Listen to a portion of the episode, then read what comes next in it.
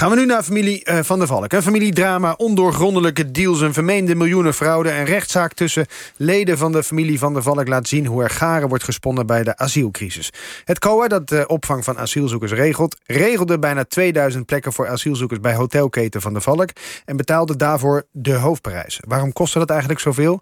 Bij studio aangeschoven Sonny Motke, journalist van het Financiële Dagblad... heeft een aantal ronkende, heerlijke, onthullende artikelen geschreven over deze kwestie. Welkom Sonny, fijn dat je er bent. Ja, hallo.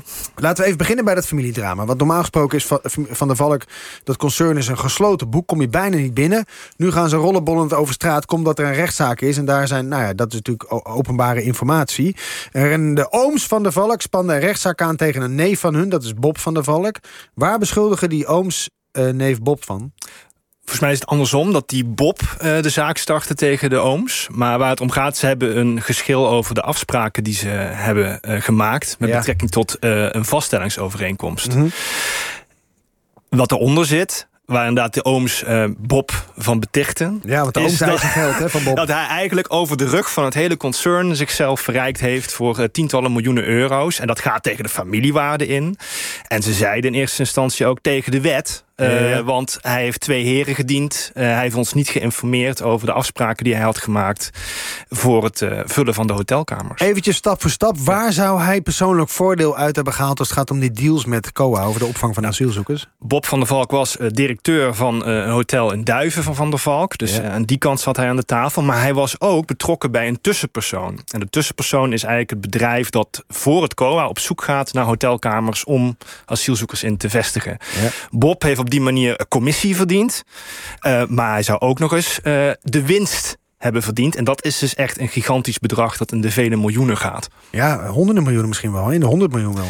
Nou, de, de, de ramingen van het Van der Val concern was... dat alleen al voor de contracten met hun hotels... Ja. Uh, het om meer dan 100 miljoen winst gaat. En dan moet je het eigenlijk door tweeën delen, zegt Van der Valk. Want Bob is de ene helft en de andere helft is de andere tussenpersoon. Nou ja, reken maar uit. Het is heel veel. Ja, um, even een situatieschets. Uh, want uh, mensen weten misschien nog wel... vorig jaar zomer barstte de asielzoek, asielopvang zo uit zou voegen... dat asielzoekers in Ter Apel buiten moesten slapen.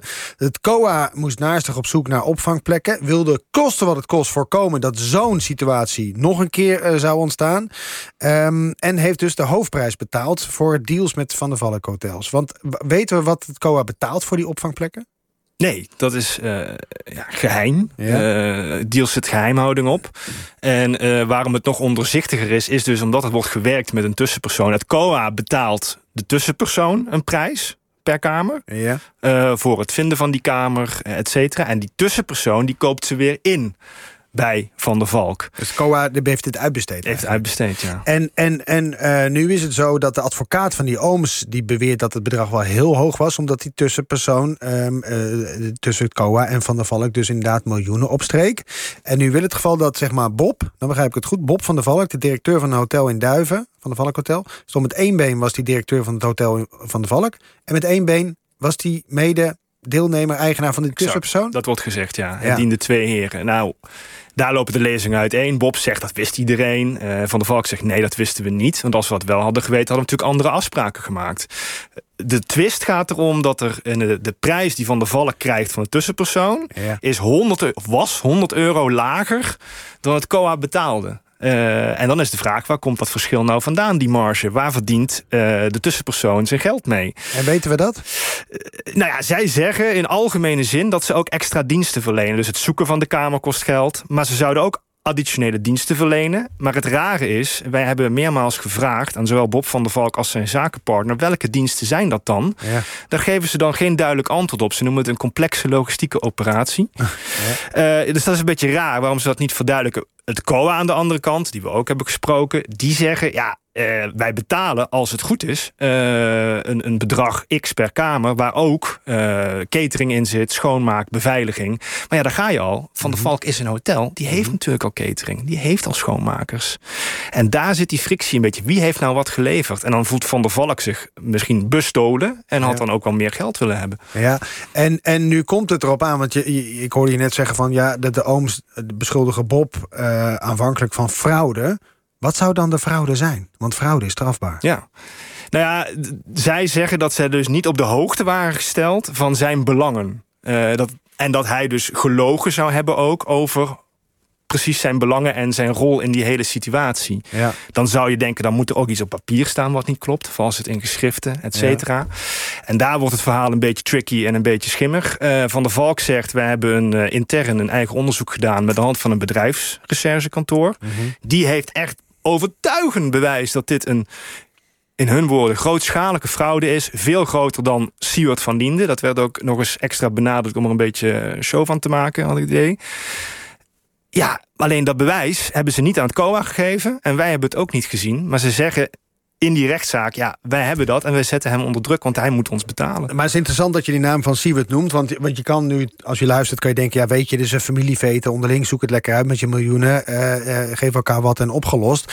Maar het is, uh, uiteindelijk komt gemeenschapsgeld om de hoek kijken, ja. want COA is overheid, dat is, dat is ons allen geld, zal ik maar zeggen. Mm -hmm.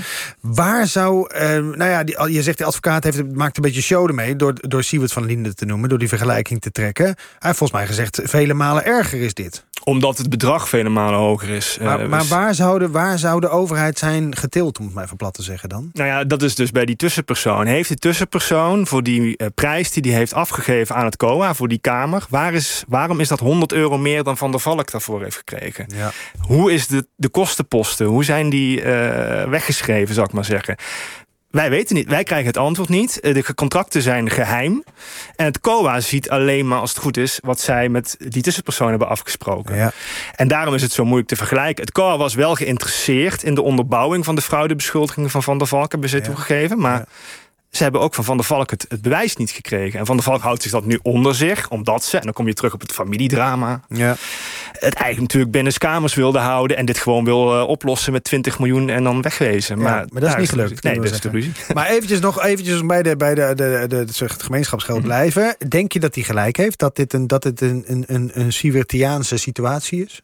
Ik vind dat heel moeilijk om te zeggen. Omdat wij weten niet uh, hoe die contracten onderbouwd zijn. Nee. Je hebt gewoon inzage nodig in die tussenpersoon. Dat is de sleutel. De, hoe, is, hoe, verhouden die contracten zich? Hoe is het contract met COA gesloten en hoe is dat met Van der Valk? En hoe kun je dat aan elkaar ja. liëren? Als je daar gewoon uitstekende onderbouwing voor hebt... voor waarom dat 100 euro per kamer meer moest zijn... met hoeveel uh, additionele kosten onder druk dat dat is... Ja. Ja, wie ben ik dan om te zeggen dat dat fraude is? Je kunt wel nog altijd zeggen, is het moreel laakbaar om zoveel geld te verdienen? Maar daarvan heeft het COA een jaar geleden al tegen ons gezegd. We hebben hier langer onderzoek naar gedaan. Ja, ja wij weten dat de hoofdprijzen worden gevraagd in de markt.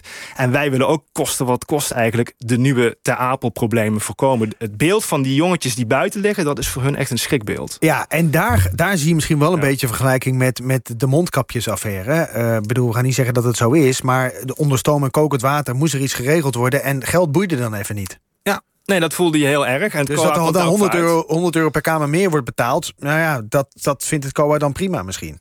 Ja, ja, en ze, ze moeten wel, als zij afwijzen, dan, dan uh, de angst, nogmaals, dat er nog meer mensen komen. En er komen er steeds meer. En die ja. liggen dan buiten of een probleem, een humanitaire ramp. Dat is, dat is de alle ja, politieke uh, zelfmoord bijna ja. natuurlijk. Eigenlijk is jouw oproep en vraag ook, best COA, overheid, wie dan ook, kom eens voor de dag met de onderbouwing waarom dat prijsverschil zo groot ja, is. ik zou een externe audit wel willen zien. Uh, ik weet niet wie daar. Misschien het valt onder het ministerie van Justitie. Uh, kunnen we de boeken openen om gewoon te zien: is alles uh, fijn gegaan? Kijk, bij de zaak met de mondkapjesaffaire heeft het natuurlijk heel lang geduurd. Dan komt een accountantskantoor erbij. Ja. Dat duurt, kan lang duren check het hier ook nog een keer voor de zekerheid. Mocht, en jij en ik mogen toch ook weten waar dat geld nou precies aan weggeschreven is? Je zou zeggen van wel dat dat inderdaad openbare informatie moet zijn. Dat we met z'n allen mogen weten, en, en misschien in de Tweede Kamer ook uh, als eerste is bijvoorbeeld, uh, van luister eens, hoe zitten die contracten in elkaar en waar komt dat prijsverschil vandaan?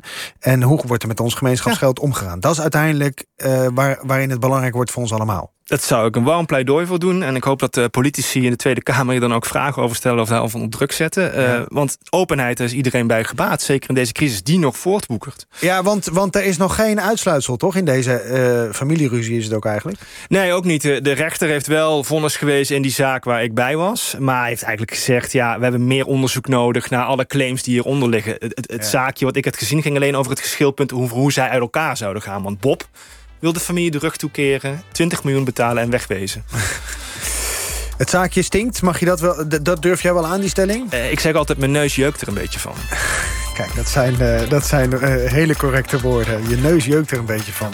Sonny Motke, dankjewel. Journalist van het Financiële Dagblad. Uh, fijn dat je ons een inkijkje wilde geven in deze familieruzie... maar die dus veel verder gaat dan alleen een familie. Het is ons aller gemeenschapsgeld.